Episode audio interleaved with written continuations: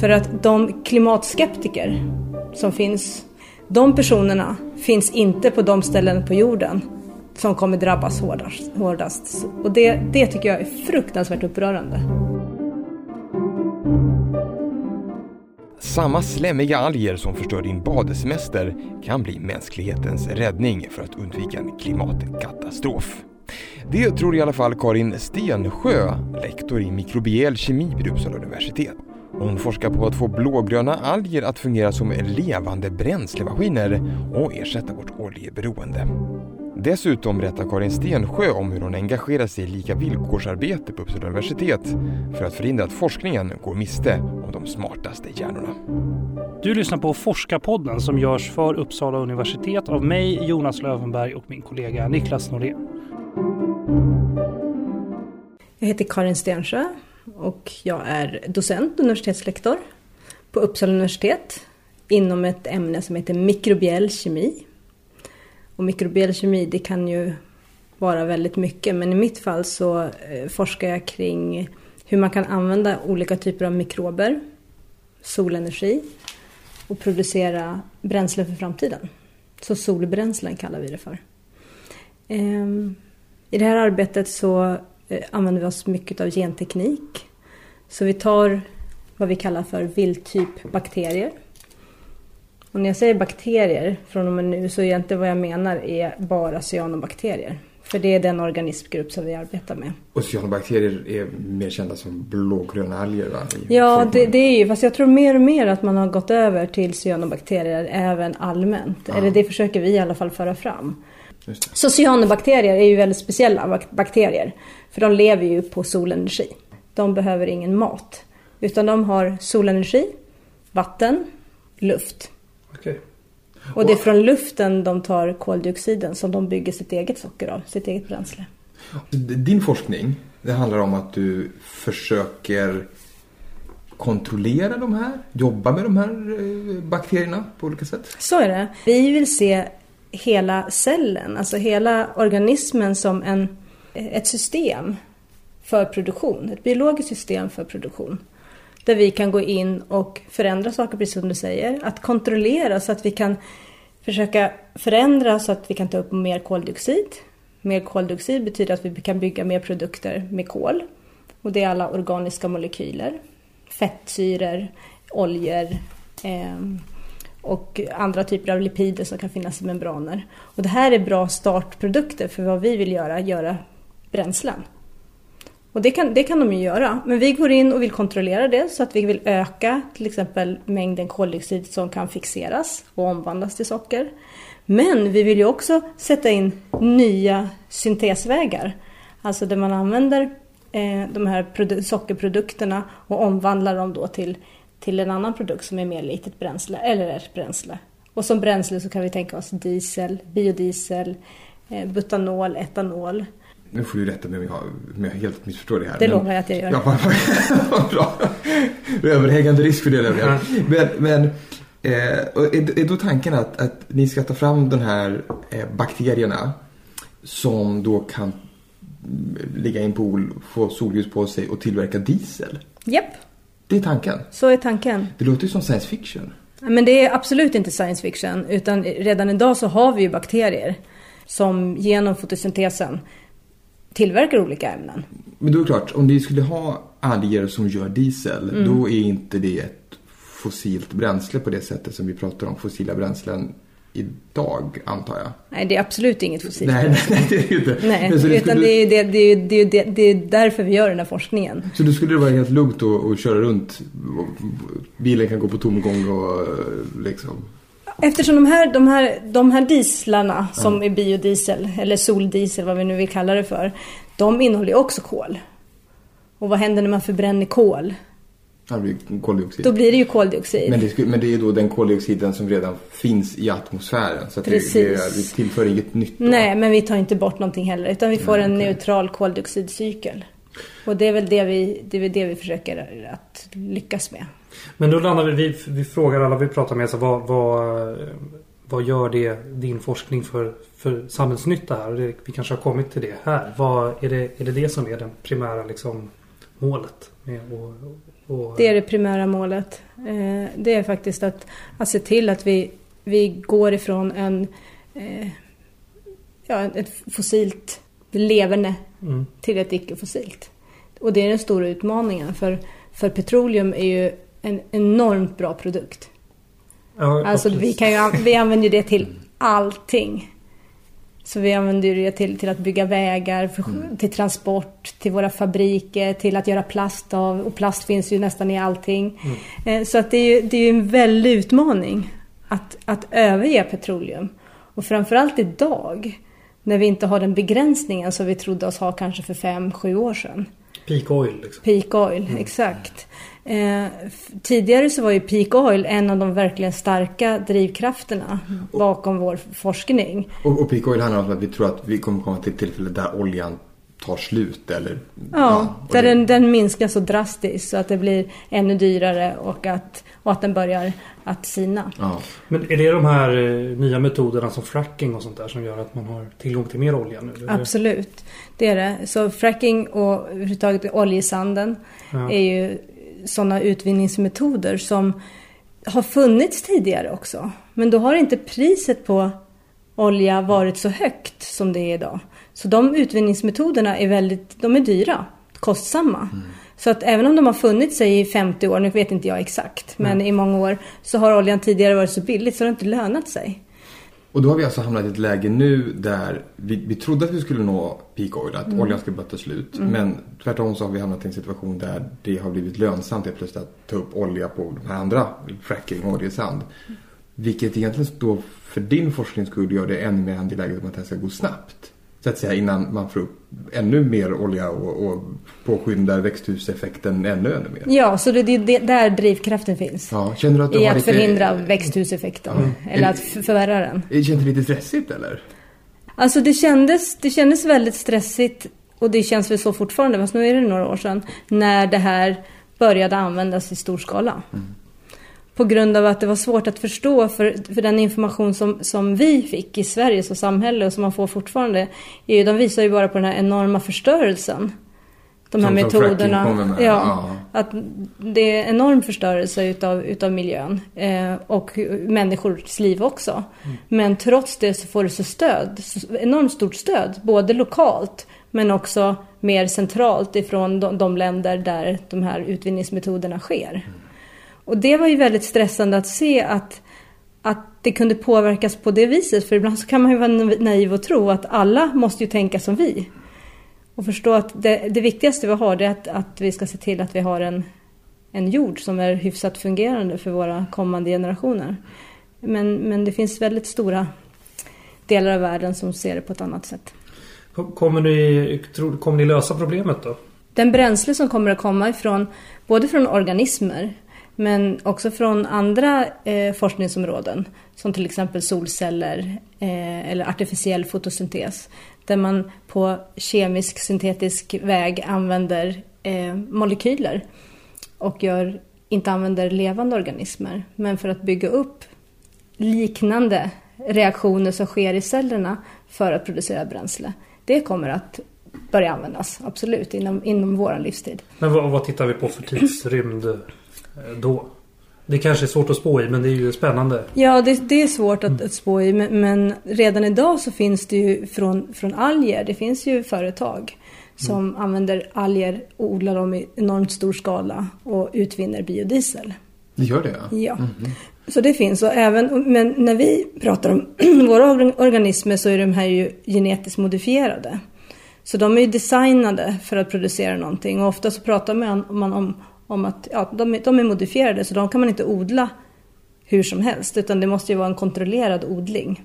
För det finns ju, det finns ju ett, ett, ett motstånd och en, en, ett reglerande system som gör att det är relativt svårt, även om det görs, att odla modifierade organismer utomhus till exempel. Men det vi gör nu är att vi använder slutna bioreaktorer.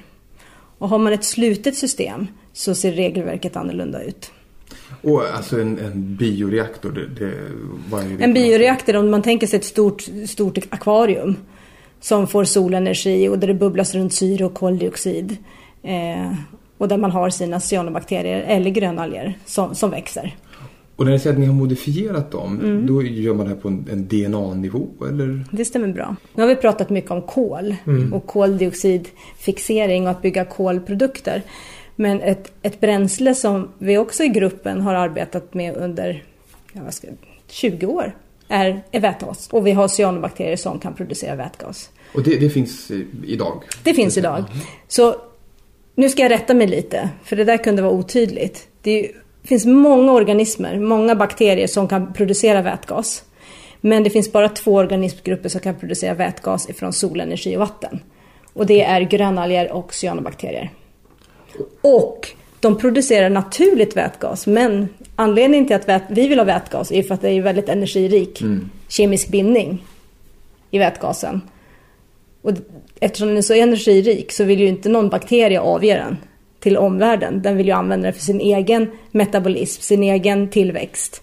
Så därför det, finns det ju katalysatorer i cellerna som tar tillbaks vätgasen och gör om det till elektroner och protoner som kan användas för, att, för tillväxt och energimetabolism. Så vad vi har gjort är att vi har förhindrat den här återupptagningen utav vätgasen i cellen så att den istället avges. Mm. Och vätgas är ju, det är en gas. Mm. Så man kan tanka. Man kan elda och... Ja, man kan ja. elda den. Men framförallt så kan man använda den i bränsleceller. Okay, ja. Och då, då, utvinner vi el Just. från det. Och det är det som, som vi väldigt nyligen har sett att till exempel Hyundai har ju numera bränslecellsbilar som går på vätgas. Mm. Inte vätgas från cyanobakterier, men vätgas dock. Så det är viktigt att infrastrukturen i samhället börjar påverka så att när vi mm. väl har de här bränslena så kan man ta emot dem. Om vi har de här bakterierna idag som kan tillverka vätgas, gör vi det då? Det där är ju en jätteviktig fråga. Och vi gör det inte i någon större skala. Kan vi göra det i större skala? Skulle det vara, är, det, är det möjligt? Alltså det är absolut möjligt att göra det i en större skala. Vi kan ju skala upp det enormt. Men det blir inte, det blir inte kostnadseffektivt. Det blir ju ingen, ingen balans i ekonomin om man gör någonting så, sådant. Men vi gör det ju för att undersöka systemen och se hur, hur effektivt kan vi få ett produktionssystem där cyanobakterier producerar vätgas till att bli. Och det är här, så att säga, skon klämmer. Det är det här som är hindret till varför vi inte bara kör runt i biogasbilar från allihopa. Ja, jag tror att det är absolut ett av hindren. Och det, det är också ett, ett, relativt knepigt hinder som, som det krävs mycket forskning och mycket samarbete mellan olika forskningsdiscipliner för att det ska lösas. Och det krävs också att, det är något, att man gör det globalt. Vi pratar mycket om, om klimatomställningar och klimathot och eh, det är eh, nog ganska många som tycker att det är ganska lätt att få klimatångest när man hör om hur himla dåligt det går. Man skövlar regnskogen och haven utarmas och alltihopa. Eh, och du är ju någonstans med i det här pusslet för att eventuellt kunna lösa den här. Hur ser du på klimathotet? Är du liksom optimist på att vi ska kunna lösa det eller hur känner du? Jag tror att största hotet och det som är någonting otroligt obehagligt är att det hot vi ser kommer drabba människor, inte där vi lever, utan människor som redan idag har ett väldigt besvärligt liv. Eh, så det, det är ett, ett enormt problem som kommer drabba demokratin som jag ser det. Det, det är demokratiskt viktigt att vi gör någonting för miljön. För att de klimatskeptiker som finns, de personerna finns inte på de ställen på jorden som kommer drabbas hårdast. hårdast. Och det, det tycker jag är fruktansvärt upprörande. Hur hamnade du i Uppsala då? Hur var vägen hit? Och den var ju, den var ju då via... Ja, via Australien var den. Okej. Okay. Mm. Hur kommer det sig? Eh, nej men det var allmänt att det var mycket tal om att man måste ha solskyddsmedel. Man fick så här, men när man gick ner på stranden så fick, stod det folk med zinksprutande pistoler och täckte hela kroppen. Mm, så, man inte skulle, så man inte skulle bli UV-skadad. Mm. Och då mm. var det mycket diskussioner om, om UV-hål. Just Och det var där det, faktiskt där det började, att jag var intresserad. Så jag ville bli geovetare. Det ville jag göra. Och jag ville, ville undersöka försurning och, och den typen av frågeställningar. Hur vi kunde förändra vårt sätt att, att eh, vara i samhället för att minska försurning och minska risken till de här UV-hålen. Så jag började läsa geovetenskap. Men det gjorde jag bara några månader, jag vet inte hur många. Tills vi skulle sitta och skrapa på stenar. Okay. Då inser jag att det här är för långt ifrån det jag vill göra. Mm. Och då pratade jag med någon klok studierektor där som sa att nej men du ska nog läsa molekylärbiologi. Det kan också leda dig dit du vill. Och då bytte jag över och sen läste jag molekylärbiologi. Ehm, jag har varit, alltid varit väldigt snabb att välja i mitt liv. Det har inte spelat så stor roll. Utan jag har alltid tänkt att nej men, får jag valmöjligheter så allting kommer bli bra. Så, ja, men det, alltså jag har alltid varit ja. väldigt, väldigt snabb. Det har aldrig varit en tvekan. Utan ofta har det varit att jag har valt någonting och sen har det blivit bäst. Mm. Sen har det blivit det jag vill göra. Du har inte lett in dig på några vad ska man säga, återvändsgränder eller? Aldrig någonsin. Aldrig faktiskt. Inte återvändsgränder men självklart smalnande gränder som man måste öppna upp. Det är, det är, som, det är som jag är. Som, som människa. Jag vet när jag skulle hade tagit två dagar för att gå ut till Stockholm och välja bröllopsklänning. Då gick jag in i en affär och sa den där ska jag ha. Fast ni måste sy den lite kortare för jag är kort. Och så gick jag ut och sen så satt jag och, och drack öl resten av dagen istället. Hur ser du på din forskarroll? Vi säger ju att Uppsala universitet det är ett forsknings, eh, forskningsuniversitet. Så vi är ju väldigt starka inom forskningen. Men ett universitets huvudsyssla är ju undervisning. Vi, mm. det, det, är grunden på något vis till det mesta. Så jag tycker det är enormt viktigt och jag tycker det är väldigt roligt att undervisa. Och då är det på alla nivåer. Vad är, vad är svårast då med att handleda eh, doktorander och andra studenter? Utbilda? Eh, det kanske allra svåraste är att, att det är lätt att man utgår från sina egna, sin egen motivation. Och hur man själv är som person och forskare, akademiker, människa. Eh, och försöka översätta det på andra människor och anta att de har samma, får samma inspiration av samma saker och motivation av samma saker som jag. Mm. Det tycker jag är svårt att förstå. Jag tycker fortfarande det är svårt att förstå. För jag tycker att det jag blir inspirerad av, det borde alla bli inspirerade av. För det är sånt som är enormt viktigt. Ja. ja, ehm, så det tycker jag är en utmaning. Och det där är ju alltså lika villkorsarbetet som jag gör i en annan del av min, min eh, tjänst. Mm. Där kommer det in till en viss del. Mm. Kan, att, kan, du inte berätta lite om det också? Du är engagerad i Teknat, lika villkorsarbete. Inom, inom samhället är stort, men kanske särskilt, nu kanske jag låter dum när jag säger det, men särskilt inom akademin så är det ytterst viktigt att vi använder all den intelligensia, mm. all den kunskap, all den kreativitet som finns. Mm. Och se till att alla individer inom akademin har samma möjlighet för allas skull, inte för deras skull, för allas skull att utvecklas. Och verkligen att man har den kapacitet man har, den ska, varje människas inbyggda kapacitet ska komma till användning. Det är min grund till varför jag anser att det är viktigt att arbeta med lika villkor och jämställdhet. Konkret, vad tror du universitetet skulle kunna göra för att då ja, skapa samma förutsättningar, lika förutsättningar för alla? Först uppmärksamma att det finns skillnader.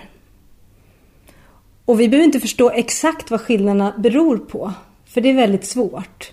Men vi ska, kunna, vi ska kunna se att det finns skillnader i möjlighet att göra karriär.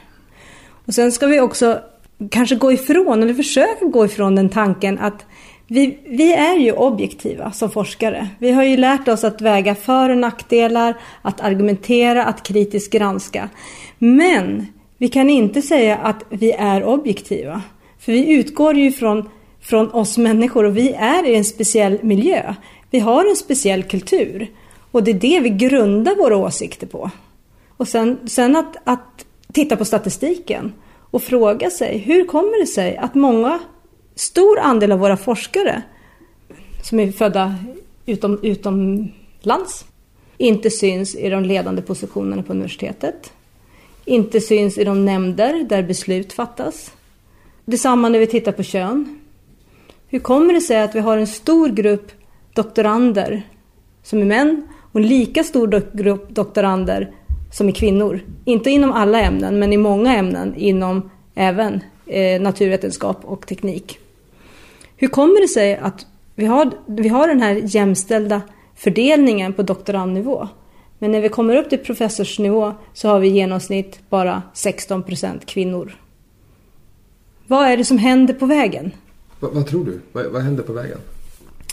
På vägen så, så man ser steg för steg så försvinner det kvinnor i varje steg. Så från doktorandnivå till postdoc-nivå till forskarassistent, biträdande lektorsnivå till lektorsnivå och till professorsnivå. Akademin är ju en manlig organisation från början. Det var inte så många år sedan som vi hade vår första kvinnliga professor. Så att om man ser, även om kulturen förändras, så är det en miljö som, som har varit väldigt, eh, ja, det har varit väldigt mycket män där. Eh, det kan vara så att det finns strukturer i, inom akademin som befrämjar mäns eh, förståelse för hur akademin fungerar, hur man ska kunna ta sig fram, göra karriär på, på så eh, smärtfritt sätt som möjligt. Eh, och exakt vilka strukturer det är, det vet man inte. Men man vet vissa saker. Forskning visar vissa saker. Till exempel att om man har män och kvinnor, vi säger att på forskarnivå, med samma CV, då söker alla män med den kompetensen. Och kanske bara ja, max 70 procent av kvinnorna med den kompetensen. Alltså söker? Skickar ja, söker tjänsten. Jaha, mm. Mm. Och varför är det så? Det kan man ju bara spekulera kring. Men en av orsakerna som man ändå diskuterar, som också faktiskt har visat, fast i andra sammanhang, är att kvinnor måste visa att de klarar av de uppgifter som ingår i tjänsten. Medan män måste visa att de har kapacitet att klara av de uppgifter som ingår i tjänsten. Det är en väldigt stor skillnad. Ja, det kan bli en väldigt stor skillnad. Och då har man sett att om man ligger på och kanske när man har en utlyst tjänst, om man då vet att man, de här kvinnorna är extremt skickliga på det de gör. De här männen är extremt skickliga på vad de gör. Vad de gör. Vi ringer upp dem och säger nu har vi den här tjänsten utlyst. Sök den. Då har man sett att då söker kvinnorna av någon anledning oftare mm. än om man inte gör de här. Så det här är den typen av verktyg som vi kan använda inom akademin. För att, att identifiera vad problemen är, inte förstå dem exakt varför det är så. Men hitta sätt att, att gå förbi det. Ja, precis. Har du själv i din akademiska karriär upplevt att du behövt slå igenom ett glastak? Eller? Jag sitter ju fortfarande fast i universitetslektor, eh, vad kallar man det för, klistergolvet. Okej. Okay. Nästa steg är, är det professor efter det? Ja, precis. Aha, okay. precis. Nej, en... Du att du hade varit professor idag om du var man? I mitt fall så, jag skulle säkert kunna varit det, men inte, inte utifrån de val jag har gjort under min karriär. Då hade jag nog tagit andra val på vägen. Kände du att du med ditt engagemang i det här lika villkorsrådet eh, att du kan göra skillnad här och liksom främja en positiv utveckling mot mer jämställdhet? Absolut. På vilket sätt? Men just att, att prata om det och visa på att det finns, det finns möjligheter. Och det är också så att vi vill förändra. För det kan man också tänka, vill vi verkligen förändra? Varför ska vi, varför ska vi inte vara nöjda med det? Vi gör ju jättebra forskning redan. Varför är det viktigt att få in kvinnor? Eller varför är det viktigt att få in andra eh, mångfaldsaspekter mm. i det vi gör. Men att visa på att det har faktiskt betydelse. Och det är inte bara som man ser från akademin utan man kan titta på styrelser i industrin. Det har gjort stora europeiska undersökningar där man ser att effektiviteten och produktiviteten hos företag blir bättre och med mångfald och med en jämställd ledning till exempel. Men, men du tänker alltså att eh, hade vi haft mer då jämlika forskargrupper eller jämlikhet på universitetet, då hade vi haft bättre forskning. Det är jag övertygad om. Det här arbetet är ju långsiktigt. Mm. Det är ju någonting som vi gör för att förbättra forskning, samverkan och utbildning på lång sikt. Men när det gäller snabba beslut som vi vill ta i de stora forskargrupperna, fakulteterna, institutionerna idag. Så blir det här ett, liksom, det, det blir alltid ett problem. Då måste man tänka annorlunda, vi måste göra om våra system, vi måste ta in sökgrupper. Så, så därför är det så svårt att till exempel ska man ta ett beslut om att Åh, vi skulle vilja ha den här forskningen gjord på Uppsala universitet. Ja, men vi har, det finns ju en person här i, i, från MIT som gör det som, som vi vet är, vill komma till Sverige. Vi plockar den personen. Och då blir det, det kan bli fantastiskt för Uppsala universitet. Men det är inte bra på lång sikt att arbeta på det viset. För då, då, då har man inte de här breda utlysningarna, man ser till att få, få mångfald, utan då har ju vi bestämt vad vi tror Uppsala universitet betyder, behöver. Och då utgår vi från den forskning vi själva gör. Vi vill ju stärka den. Även om det är någonting som ligger lite på sidan om. Så någonstans ändå, så vi är inte så storsynta så vi kan se forskningen, oändliga forskningsmöjligheterna. Utan den där personen är ju så genialisk och bra för den passar ju in i det vi gör och kommer stärka våran totala forskning. Förstår ni hur jag, jag tänker? Och där kan jag tycka det är otroligt besvärande och ofta så håller jag ju tyst. Att ta upp de aspekterna. När mm. någonting ska göras kvickt. Mm. För att stärka någonting, för att vara bra för universitetet eller för institutionen eller för en forskargrupp. Och då borde man kanske egentligen då annonsera om det och kanske ta in sökande från andra universitet och, ja, och hela, världen. världen som, hela man världen. Ja, som man inte hade kanske tänkt på. Liksom, för... Absolut, och framförallt att få in nya kunskaper. Ja, nya perspektiv. ja, som kanske inte alls har med sin egna forskning att göra utan någonting helt annat. Men det är svårt för oss att se vad det där, hur skulle det där andra stärka våran institution? Det är snabba ryck och det är stora pengar som ska användas till att göra bra forskning och det, vi måste producera hela tiden. Mm. Både publikationer och studenter för att kunna fortsätta vår verksamhet. Det, kan du uppleva att det då ibland är för högt tryck på det här? Att det, så att säga, hjulen snurrar för snabbt? Det var bättre om det gick lite långsammare om man hann Ja, alltså det kan man gott säga att det skulle vara bättre. Men det är en icke-fråga. Sverige är ju inte friställt från resten av Europa eller resten av världen.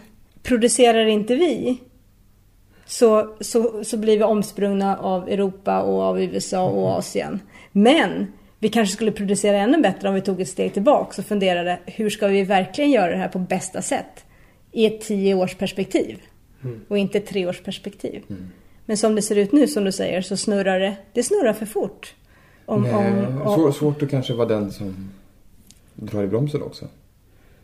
Ja, jag har ingen möjlighet att dra i bromsen utan det jag kan göra i så fall det är att se till att hela systemet bromsar på något vis men med hjälp av alla andra. Och det vet jag inte om jag vill. Till och med. Så det där, det där klaschar lite.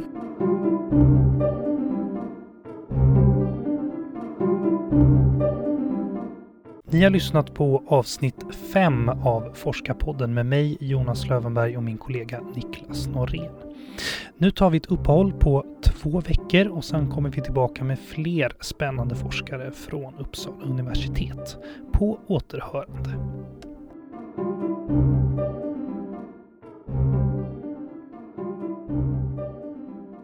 Du har hört Forskarpodden, en produktion av Piggelkott Media för Uppsala universitet med musik av Marcus Sjöblom.